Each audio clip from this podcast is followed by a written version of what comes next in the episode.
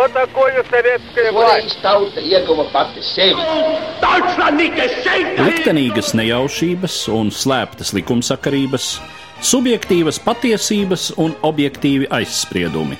Pēc atpūšņa nekad nenāk uzreiz pavasars, bet sākās Arī šodien cilvēki ir ļoti tūredzīgi. Viņi redz to naudu, kas ir. Televīzijā jau pamatā notiek cīņa par varu. Pagātne no šodienas skatu punkta un šodienas caur pagātnes prizmu. Raidījumā šīs dienas acīm. Katru svētdienu Latvijas radio eterā Eduards Liniņš. Labdien, cienījamie klausītāji! Esiet sveicināti 2017. gada pēdējā dienā. Kā jau ierasts gada nogalē, šodien piedāvāju jums ieklausīties dažu aizejošā gada raidījumu fragmentos. Šis gads bija iezīmīgs ar vairākām apaļām gadsimtām, un kā pirmā no tām minama visā pasaulē plaši atzīmētā reformācijas 500 gade. 1517. gada 31. oktobris ir diena, kurā saskaņā ar vispār zināmu priekšstatu toreizējais Vitsenbergas Universitātes teoloģijas doktors Mārtiņš Luters publiskojis savus argumentus indulģenču spēka sakarā, jeb 95 piecas tēzes.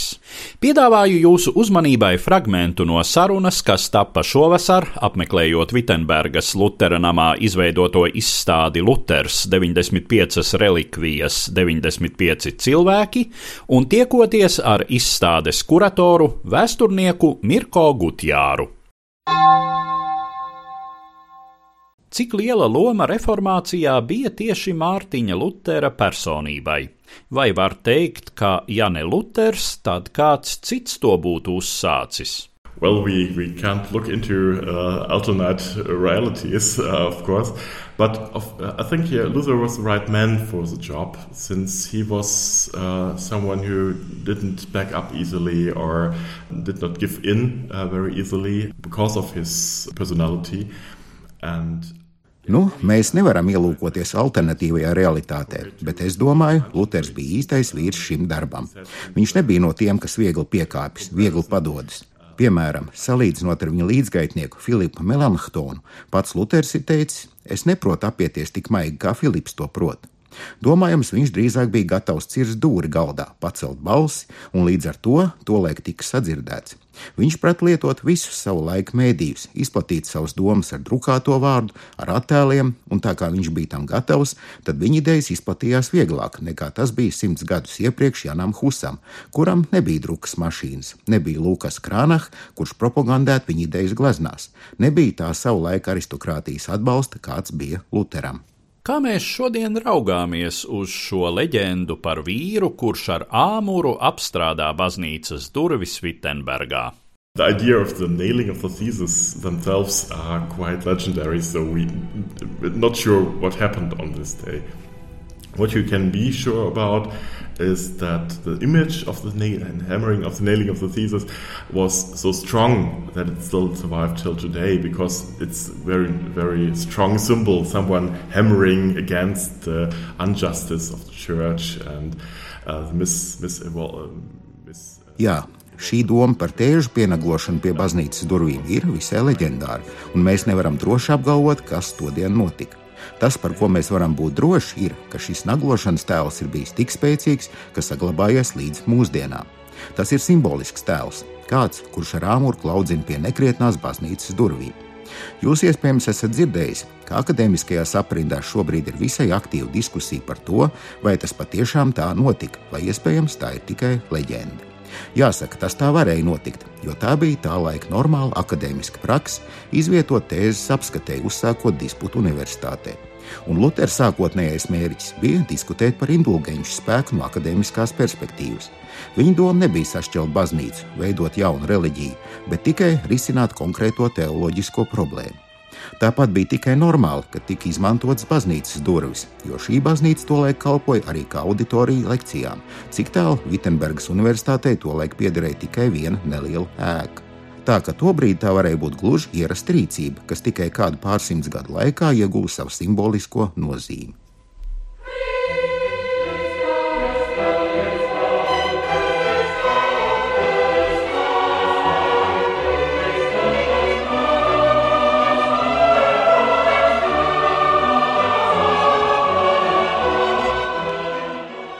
Jūs definētu to nozīmīgāko mantojumu, ko Luters un reformācija ir atstājuši mūsdienu pasaulē? Oh, there are many, many um, things which I could, could, tell you there.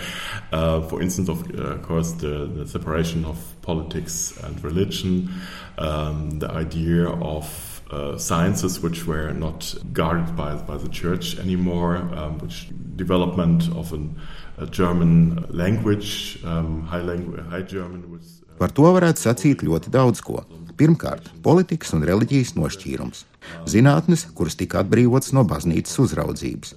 Vācu valodas attīstība, Mārtiņa Lutera Bībeles tulkojuma radīja literārās vācu valodas pamatu. Reformācija izraisīja reformu procesu arī katoļu baznīcā, un, protams, visas politiskās ainavas izmaiņas vairāku gadsimtu gaitā, sevišķi 30 gadu kara rezultātā. Šī gada pirmajā pusē konferencē Rīgā vairāk kārt tika uzsvērta doma, ka mūsdienās sociālie tīkli ietekmē sabiedrības domāšanu ar līdzīgu efektu kā drukas mašīna Lutera laikā.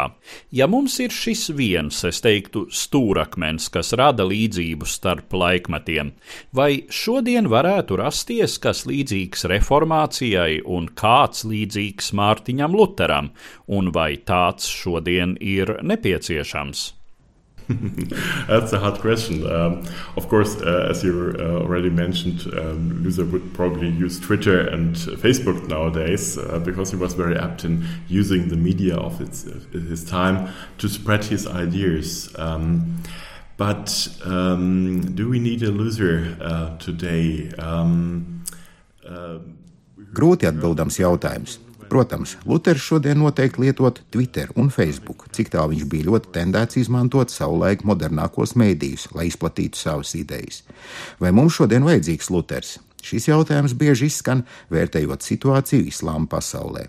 Arī paši musulmaņi reizēm izsaka šādas domas. Ir domājams diezgan grūti teikt, kāds tad varētu būt Luters tai vai citai pasaules daļai. Problēmas šodien ir visai atšķirīgas. Piemēram, jau pieminētais Edvards Snowdens. Viņā mēs redzam līdzību ar Mārtiņu Luteru, jo viņš tur stāvēja.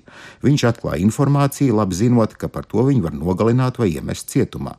Taču citi teiks, šie cilvēki nav salīdzināmi, jo apstākļi ir pavisam citi. Man grūti pateikt, vai mums šodien ir vajadzīgs Mārtiņš Luters. Es domāju, mums vajadzīgi cilvēki, kas domātu par mūsu laika problēmām ar to novatorismu, ar kādu domāja Mārtiņš Luters. Taču iespējams, mēs negribam šodien kādu Mārtiņu Luteru. Luters bija arī problemātiska personība. Viņš bija ļoti antisemītisks vai vismaz negatīvi noskaņots pret ebrejiem. Viņš bija ļoti neiecietīgs pret saviem pretiniekiem. Tā gan jādomā bija lielā mērā tā laika iezīme, kas vairs nav raksturīga 21. gadsimtam. Tā kā domājams, mums nav vajadzīgi Mārtiņa Luteri, bet mums ir vajadzīgi cilvēki, kuriem būtu šī gatavība pastāvēt par savu pārliecību un ķerties klāt nozīmīgām sava laika problēmām. Vēl viena šogad atzīmējama apaļa gadsimta saistīta ar 1817. gada 25. augustu, kad Kurzemes lantāks pieņēma lēmumu par dzimtbūšanas atcelšanu toreizējās Krievijas impērijas Kurzemes guberņā. Divus gadus vēlāk, 1819. gadā, līdzīgu lēmumu pieņēma arī Vidzemes lantāks. Dzimtbūšanas atcelšanas 200 gadēji Latvijā bija veltīta mana saruna ar vēsturnieku Latvijas Universitātes profesoru Gvido Straubi. Parasti mēs dzīvojam ar šo ļoti jauko stereotipu par uh, tiem garajiem 700 verdzības gadiem, bet patiesībā jau laikam nemaz tā dzimbūšana nav tik ilgs process. Dzimbūšana noformējās tikai 17. gadsimtā, un te varbūt tās tā nelielā vēstures paradigma, jeb īpatnība, jeb neiedzība. Mēs ļoti bieži, un mūsu ziemeļu kaimiņi Igauni vēl biežāk un vēl fanātiskāk jūsmojam par 17. gadsimtu un sakam, ka tie labie zviedru laiki laiki, bet faktiski tieši 17. gadsimtā dzimbūšana noformējās. Ļoti nopietna dzimbūšana ir tikai 17. un 18. gadsimtā, kad zemniekam tik totāli atņemts iespējas kustēties. Tā varbūt ir tā vājākā vieta dzimbušanas atcelšanā, ko arī parasti visi kritizē, respektīvi, kurš runā par šo putnu brīvību, ka zemnieks iegūst personīgo brīvību, neiegūst nekādu zemes gabalu, bet tad viņam ir tā samērā tuvā tomēr perspektīva, ka pēc kāda laika viņš varēs šo zemi iegūt, atpērkot. Līdz ar to tas varbūt tas ir tas mīnus, ka zemnieks kaut kādu laiku tad nonāk tādā atkarībā no mužnieka, vai viņam tas zemes gabals, kas joprojām ir mužnieka īpašumā, tad viņam tas ir jāatstrādā, un tad šis klaušu ļaunums nāk līdzi. Bet tad ir tā nākošā problēma, vairāk to redzēt vidzemē, kad vidzemē 20. gados parādās šī pirmā iespēja zemniekiem izpirkt zemi, tad ir tāds sprādziens zemnieku smadzenēs, ko darīt, jo faktiski jau zemniekam ir galvā tas uzskats, tā ir mana zeme. Līdz ar to viņš, tā parādās šīs iespējas izpirkt zemi, tad viņš to nepērk, jo viņš sākotnēji vienalga ir pārliecināts, tā ir mana zeme, kāpēc man tā ir jāpērk. Turklāt ir tas otrs moments, kas man tā liekas ļoti tipisks zemniekam, viņam ir tā savu zemnieka viltība, gudrība, viņš mēdz bieži ļoti veiksmīgi blefot, lai atvieglotu savu likteni kaut kā. Un tas ir kārtējais zemnieku blefs, ka viņi arī šo nepirkšanu argumentē to, ka viņiem nav tādas naudas. Tie, kas pirmie sāk nākt to naudas maisiņu, beigt to pirmo iemaksu, un tad ļoti interesanti, tie visu laiku viņi bļaustējās, ka viņiem nav nauda, tad pēkšņi viņiem tā nauda ir. Kaut gan, nu, tā motivācija arī bija tāda, ka tā ir krāta paudžu paudzēm. Un tiklīdz atnāk tas otrais maksāšanas posms, kur tas starp ir nu, relatīvi maziņš, tur pat nav ceturtā, ja trešā daļa no vienas paudzes dzīves ilguma, viņš atkal var maksāt to pašu summu. Kā viņš pēkšņi tik īsā laikā sakrāja tikpat daudz naudas, cik pirms tam viņš samaksāja un, un motivēja to, ka tur ir krājuši viņš pats un tēvi un tēvu tēvi un cik sen. Bet tas process pamazām aiziet, un mēs jau upīšu zaļajā zemē redzam šo bagāto zemnieku, kas var mierīgi aizpīpēt cigāru ar naudas zīmi. Viņš ir jau tik situēts. Tā ir šī apziņa, ka tu jau esi ieguvis kaut kādu statusu savā sabiedrībā pēc 17. un 19. gada faktiski tā otrā paudze ir tā, kas jau ir jaunatvieši. Tad tie pirmo veiksmīgo atbrīvoto zemnieku bērni jau ir tie, kas jau sāk mācīties un sāk iet citus ceļus. Līdz ar to tā ķēdīte ļoti loģiska un saprātīga un lielā mērā, jā, mēs varam priecāties, ka tas mums tā notiek tik ātri, jo, ja mēs paskatāmies to Eiropas vēstures kontekstu, tad ir uh, vesels lērums ar piemēriem, kur tas process sākās krietni, krietni vēlāk. Līdz ar to tas ceļš ir iesākts jau tik ātri un sakrīt arī ar tiem nacionālās atmodas procesiem arī daudz viet centrālajā Eiropā. Tas spēriens pa to procesu, lai tas sāktu kustēties, ir 18. gadsimta beigas šīs apgaismības idejas un Napoleons ar savu dīvainās Eiropas kopienas ideju Tas iekustina nedaudz iemigušo sabiedrību, kur tās idejas brieda, brieda apgaismības gadsimtā, bet tur bija jāatrod kaut kāda realizācija. Tie procesi visi to pātrina, un kaut kur nemiera arī tas, man liekas, veiksmīgais moments, kas liek Krievijas imperatoram sākt domāt, ka nu patiešām ir kaut kas jādara. Un tā tad par laimi bija gana saprašanas darīt, un, kā jūs ļoti pareizi teicāt, tā tad atbrīvoto bērni jau sāka masveidā iet skolās. Mazbērnu paudzē jau parādās pirmie profesori un pirmie rūpnieki. Nu, un tad maz mazbērni vai maz maz mazbērni, nu tad ir ģenerāļi, prezidenti, vēstnieki un jau tiek pie savas neatkarīgas valsts simts gadus pēc šīs brīvlaišanas. Vislielākā uzmanība aizejošajā gadā bija pievērsta notikumiem, no kuriem mūs šķir gadsimts - dramatiskajām Pirmā pasaules kara un Krievijas 1917. gada revolūcijas norisēm, kuras cita starpā tuvināja Latvijas valsts rašanos. Šajā raidījumā pieskarsimies diviem nozīmīgiem Latvijas vēstures notikumiem, un pirmais no tiem - Latgales Latviešu kongress notika Reizeknē 1917. gada 20. 26. un 27. aprīlī pēc vecā, jeb 9. un 10. maijā pēc jaunā stila.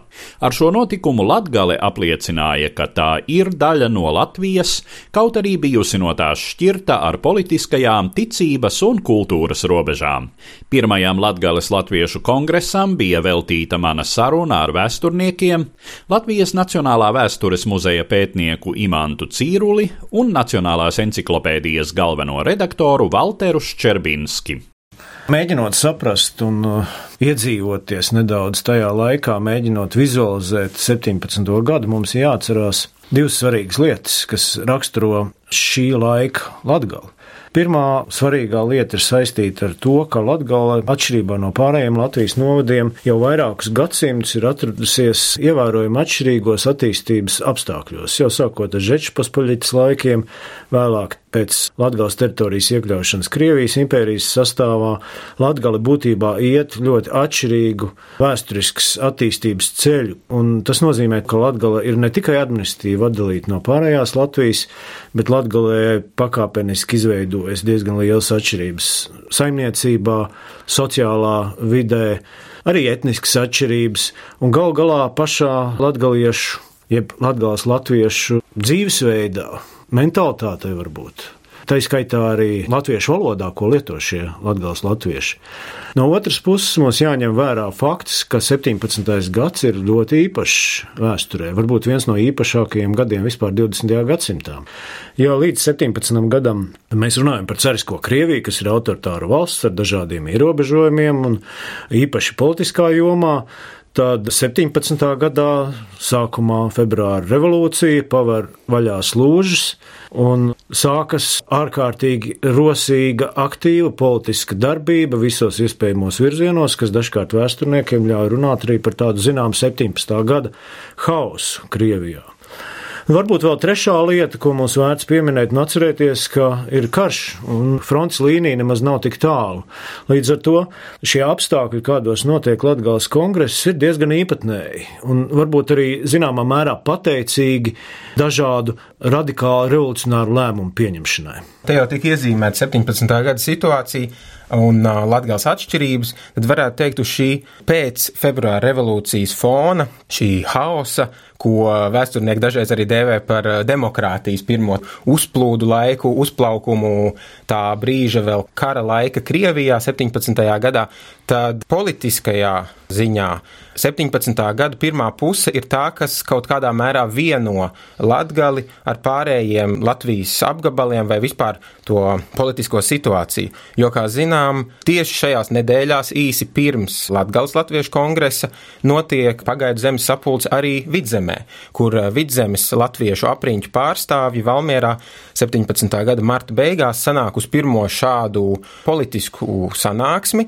lai lemtu par vietējās pašvaldības guberņas demokratizāciju, par eh, struktūru pārveidošanu prom no cariskās pārvaldes struktūras uz kaut kādu jaunu demokrātisku pārvaldes veidu, kur arī vietējiem eh, iedzīvotājiem būtu lielāks teikšanas iespējas. Līdzīgi arī eh, kurzemnieki sanāk uz kurzemes zemes sapulci. Kurzeme ir, kā jau minēts, Vācu okupācijā kopš 15. gada, tāpēc kurzemnieku pārstāvji sanāk tērbatā Latvijas Latviešu kongress, varētu teikt, ir pēdējais chronoloģiski skatoties šajā politiskās aktivitātes darbību virknē.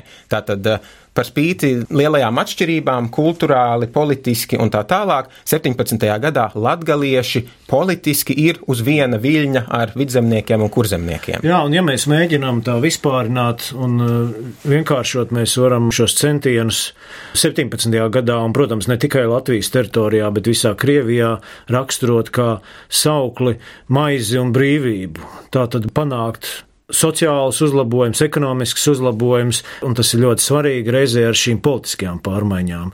Rodās daudz jaunas partijas, kuras līdz tam nebija pastāvējušas, daudz cilvēku, kur līdz tam nebija darbojušies politikā, iesaistās mēģinājumos mainīt apstākļus, un faktiski tas rada tādu no vienas puses vēsturniekiem pētīšanai ļoti pateicīgu vidi, no otras puses es domāju, ka cilvēkiem, kas dzīvoja 17. gadā, nebija vienkārši gan izdzīvot, gan arī saprast, kas ir kas. Latgale ir tā Latvijas daļa, kas liek mums domāt par to, kā vispār veidojas nācija un eh, kas ir tie pašidentifikācijas elementi, kas tai vai citai nācijas daļai liek tapt par veseluma daļu. Runājot par 17. gadu un to, kas ir nācija, kas veido nāciju, tad Latvijas gadījumā laikam tas izšķirošais ir vēlme. Griba būt kādas politiskas nācijas sastāvdaļai. Par tām atšķirībām runājot, Latgaliešu inteliģenti, šie sabiedriskie darbinieki, viņi ļoti labi apzinās, ka starp latgaliešiem un pārējiem latviešiem tajā laikā, pirms simts gadiem, pastāv gandrīz katrā jomā, gandrīz katrā dzīves sfērā milzīgas atšķirības. Gan izloksnes ziņā, kultūrāli, politiski, konfesionāli. Tas viss tiek apspriests arī kongresa laikā, kur atsevišķie delegāti apstiprina un nomierina tos varbūt vēl šaubīgos, kuri saka, ka, piemēram, apvienošana ar pārējo Latviju nesīs Latviju Latgalē postu, ka tie baltieši centīsies eksploatēt šeit, kolonizēt Latgali. Zikfrīds Anmērovics, kurš ir vidzemes zemes padomis pārstāvis kongresa laikā, mierina un saka, baltieši nepiedurs ne pirkstiņu viņu reģionālām atšķirībām. Paši latgalieši arī saka, mācītājs Tukišs, piemēram, apgalvo, ka apvienošanās ar protestantisko vidzemi un kurzemi nekādā veidā neapdraud katoļu konfesiju. Strēlnieku pārstāvs Jānis Rubulis saka, ka cīņu gaitā kara apstākļos ir pierādīts, pierādījies, ka latviešu komandieri, virsnieki nekādā veidā necenšas diskriminēt latgaliešu karavīrus, kuri ir latviešu strelnieku pulkos. Tas pats Francis Trasuns vēlreiz un vēlreiz atkārto, ka ir vajadzīga apvienošanās par spīti šīm atšķirībām, kuras ir acīm redzamas un pastāv jebkurā jomā. Tātad es teiktu, atbildot uz jautājumu, kas ir nācija, kas to veido, tad Latgales kongress ir izcils piemērs tam, ka nācija balstās nevis uz kaut kādiem dabiskiem, it kā dieva dotiem kaut kādu kopību, bet gan uz skaidru apziņu un skaidru politisko gribu. Ja gada pirmo pusi Latvijas valsts tapšanai nozīmīgu gadskārtu virknē iezīmēja pirmais Latgales Latviešu kongress Rezeknē, tad gada otrajai pusē šāda gadskārta bija Latviešu pagaidu Nacionālās padomes dibināšanas sesija Valkā, kas notika no 1917. gada 16. līdz 19. novembrim pēc vecā, jeb no 29. novembra līdz 2. decembrim pēc jaunā stila. Viens no Latviešu pagaidu Nacionālās padomes padomes simtgadēji veltītajiem pasākumiem bija starptautiska vēsturnieku konference, kas notika Valkā 2. decembrī. Piedāvāju jūsu uzmanībai fragmentu no Latvijas kara muzeja otrā pasaules kara vēstures nodaļas vadītāja Jāņa Tomaševska priekšlasījuma konferencē. Kaut idejas par Nacionālās padomjas dibināšanu izskanēja jau revolūcijas sākumā, tomēr tās piepildījums pienāca tikai 17. gada novembrī, kad valkā sapulcējās 13 latviešu politiskās partijas, sabiedriskās organizācijas, karavīru organizācijas un kooperatīvi, lai dibinātu Latviešu pagaidu Nacionālo padomu. Ievērojot tos sarežģītos kara un revolūcijas apstākļus, kādās atradās Latvija un latviešu tauta, jau pati dibināšana jāuzskata par lielu panākumu. Arī tolaik jau pastāvēja latviešu politiķiem joprojām raksturīgi tādi neauglīgi strīdi, cīņa par amatiem un tam līdzīgi. Tas nekur, diemžēl, nav pazudis. Arī tolaik tā, diemžēl, bija realitāte. Tomēr, kā mēs arī esam pārliecinājušies vairākos 20. gadsimta notikumos, tad eh, latvieši spēja apvienoties tad, kad tiešām smagi apstākļi. Un šis bija tāds gadījums. Diskusijās, kas saistījās ar padomjas sastāvu un kompetenci, pamazām izkristalizējās skaidrība par to, ko latvieši īsti grib. Zīmīgi ir Jāņa Goldmaņa ievadvārdi Nacionālās padomjas pirmajā sesijā. Mēs nedzīvojam priekš sevis vien, bet daudz vairāk priekš Latvijas nākotnes un viņas turpmākām paudzēm. Varbūt tikai pēc gadu simteņiem pienāks Latvijai tik svarīgs un nopietns brīdis kā tagad. Mums ir jāapzinās momenta svarīgums un sakarā ar to jārīkojas. Šāda apvienošanās notika, un beidzot arī pilsoniskie spēki beidza cerēt uz lielnieku nostāšanos uz nacionālās platformas un saprata, ka ir jāņem tas, ko vēsture latviešiem dod. Proti, iespēju teikt visai pasaulē par latviešu tautas nacionālajiem centieniem, kamēr nav par vēlu. Lielnieku mēģinājumi ar destruktīviem un pretnacionāliem saukļiem izjaukt šo Nacionālās padomjas dibināšanu neizdevās. Otrs aspekts - spēcīgas deklarācijas ar tālējošām sekām. Valkā dzima un deklarācijās tika nostiprināti tie pamatprincipi, uz kuriem balstās Latvijas valsts arī mūsdienās Ievērojamākā deklarācija ārvalstīm un tautām deklarēja, ka Latvija, kurā ieiet vidzeme, kurzeme un latgale, ir autonoma valsts vienība, kuras stāvokli attiecībās uz ārienu un iekšējo iekārtu noteiks viņas satversmes sapulce un tautas plebiscīts. Tajā paustie vārdi pauda latviešu gatavību pašiem lemt par savu likteni, negaidot tā izšķiršanu no Krievijas vai Vācijas. Deklarācijā bija runa arī par latviešu etnogrāfisko teritoriju apvienojošu Latviju, kas kopš tā brīža tika pauksts gandrīz katrā deklarācijā un rezolūcijā, ko Nacionālā padome pieņēma, līdz par šo faktoru vairs nebija šaubu. Vēl šeit jāpiebilst, ka Valkas sesijā pieņemtās drosmīgās politiskās deklarācijas radās īpaši nelabvēlīgos apstākļos. Lielnieku teroram pamazām pieņemoties spēkā un vācu dzelzs zobenam pamazām draudot okupēt visu Latvijas teritoriju. Drosme un apņēmība caurstrāvoja Nacionālo padomi un tās locekļu darbību. Tā spēja darboties gan lielnieku, gan vācu okupācijas laikā, pakāpeniski virzoties faktiskas neatkarības virzienā.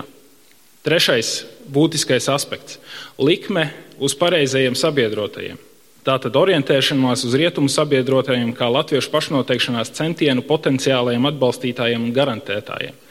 Lai gan tobrīd vēl bija grūti paredzēt kara iznākumu, tomēr Nacionālās padomjas darbinieki tobrīd izvilka vienīgo pareizo lozi, orientējās uz rietumu valstīm, kuras vienīgās tobrīd bija objektīvi latviešu sabiedrotie. Ārlietu nodaļas darbība bija vērsta uz sakaru nodibināšanu rietumvalstu diplomātiem sākumā Krievijā, vēlāk arī ar mērķi doties uz rietumiem. Lai gan neizdevās realizēt visus plānus, tomēr tika panākts būtisks lēmums. Lielbritānija atzina Nacionālo padomi kā de facto Latvijas valdību. Un šeit lielākie nopelni pienākas Zikfrīdam Meirovicam, kurš 1918. gada jūlijā ieradās Londonā un sāka ceļu pie turienes diplomātiem, drīz iegūstot uzticību un panākot savu mērķi, nu, arī Nacionālās padomes mērķi. Viņš faktiski kļuva par tādu lielāko Nacionālās padomes zvaigzni un uh, darbojās stingri tās platformas ietvaros. Ārvalstīs nonāca nevien deklarācijas, rezolūcijas un uzsaukumi, bet arī svešvalodās tulkotas brošūras, kurās apskatīta latviešu tautas vēsturi, Latvijas ģeopolitiskā situācija un starptautiskais stāvoklis. Skaidrota latviešu strēlnieku pieslēgšanās lielniekiem un citi jautājumi. Šis izskaidrošanas darbs bija ļoti svarīgs, jo rietumvalstīs vārds latvieši faktiski bija svešs un Nacionālā padome bija pirmā, kas šādu darbu veica, atvieglojot darbu vēlākajiem Latvijas diplomātiem un politiķiem. Ceturtais aspekts - ietekme uz latviešu bēgļiem un to atgriešanos. Nacionālā padome pēc šīs valkas sesijas izvērsa plašu darbību, un kam bija liela nozīme latviešu sabiedrības un bēgļu konsolidēšanā un to daļas vēlākai atgriešanai uz Latvijas teritoriju. Vairākas Nacionālās padomjas nodeļas, kas darbojās Valkā, gan Petrogradā un vēlāk Maskavā, darbojās ļoti aktīvi. Piemēram, Latvijas atjaunošanas un aizsardzības nodaļa, piesaistot vadošus latviešu inženierus, rūpniekus, zinātniekus un daudzu citu nozaru pārstāvjus, izstrādāja plānus Latvijas saimnieciskai atjaunotai. Kolonija nodaļa savukārt apvienoja latviešu bēgļu un kolonistu centrus plašajā Krievijā ļaujot tiem noticēt neatkarīgas Latvijas valsts un atgriešanās iespēju. Un faktiski Kārlis Zariņš, kurš nodarbojās ar šo bēgļu atgriešanās jautājumu, faktiski šo darbu sāka jau tad, kad vēl vācieši bija okupējuši visu Latvijas teritoriju jau 1918. gada aprīlī. Padomjas valde ar Valdemāru Zāmolu priekšgalā gan lielnieku, gan vācu okupācijas laikā atradās Latvijas teritorijā. Kaut saziņā ar padomjas nodaļām nebija viegls uzdevums. Var teikt, ka šī darbība gan nodaļās, gan valdē sagatavoja latviešu sabiedriskos un politiskos darbiniekus valsts uzbūves darbam, un tie kļuva par prasmīgiem, praktiska valsts darba veicējiem vēlāk. Un pēdējais aspekts un noslēdzošais - Nacionālās padomes nozīme valsts neatkarības proklamēšanā un nostiprināšanā. Nacionālā padome kaut arī kā organizācija nespēja kļūt par rīcības spējīgu Latvijas priekšparlamentu un pagaidu valdību, tomēr tās locekļiem bija liela nozīme neatkarības proklamēšanā un valsts veidošanas procesā. Piemēram, par tautas padomes priekšsēdētāju ievēlēja ārlietu nodaļas locekli juristu Jāni Čaksti Puse no desmit pagaidu valdības ministriem nāca no Nacionālās padomes. Ārlietu nodaļa, kura darbojās rietumos, kļuva par nākamā Latvijas ārlietu dienesta mugurkaulu. Latviešu pagaidu Nacionālās padomes locekļi iesaistījās valsts uzbūves darbā kā ministri, kā valsts iestāžu darbinieki, sabiedrisko organizāciju vadībā un tam līdzīgi. Un noslēgumā vēlreiz eh, citēšu Līgotņu Jēkabu, Ir laiks no vēstures zinātnes izšķūrēt veco pasakiņu, ka viss notiek tikai tam dēļ, ka tam bija jānotiek. Ja arī mums nav rokās to nemaldīgo svaru, lai uz grama nosvērtu personības iedarbošanos vēstures notikumos, tikpat aplami būs apgalvot, ka apstākļi paši par sevi jau veidoja Latvijas valsti. Citāta beigas. Drosmīgie Nacionālās padomjas locekļi spēja pagriezt vēstures pulksteni, un tas sāka tikšķēt Latvijas laiku. Līdz ar to izskan šī gada pēdējais raidījums šīs dienas acīm. Tajā ielūkojāmies vairākos aizejošajā gadā izskanējušajos raidījumos. Laimīgu jauno gadu un uz redzēšanos nākamgad, cienījamie klausītāji! Katru svētdienu Latvijas radio viens par pagātni sarunājas Eduards Liniņš.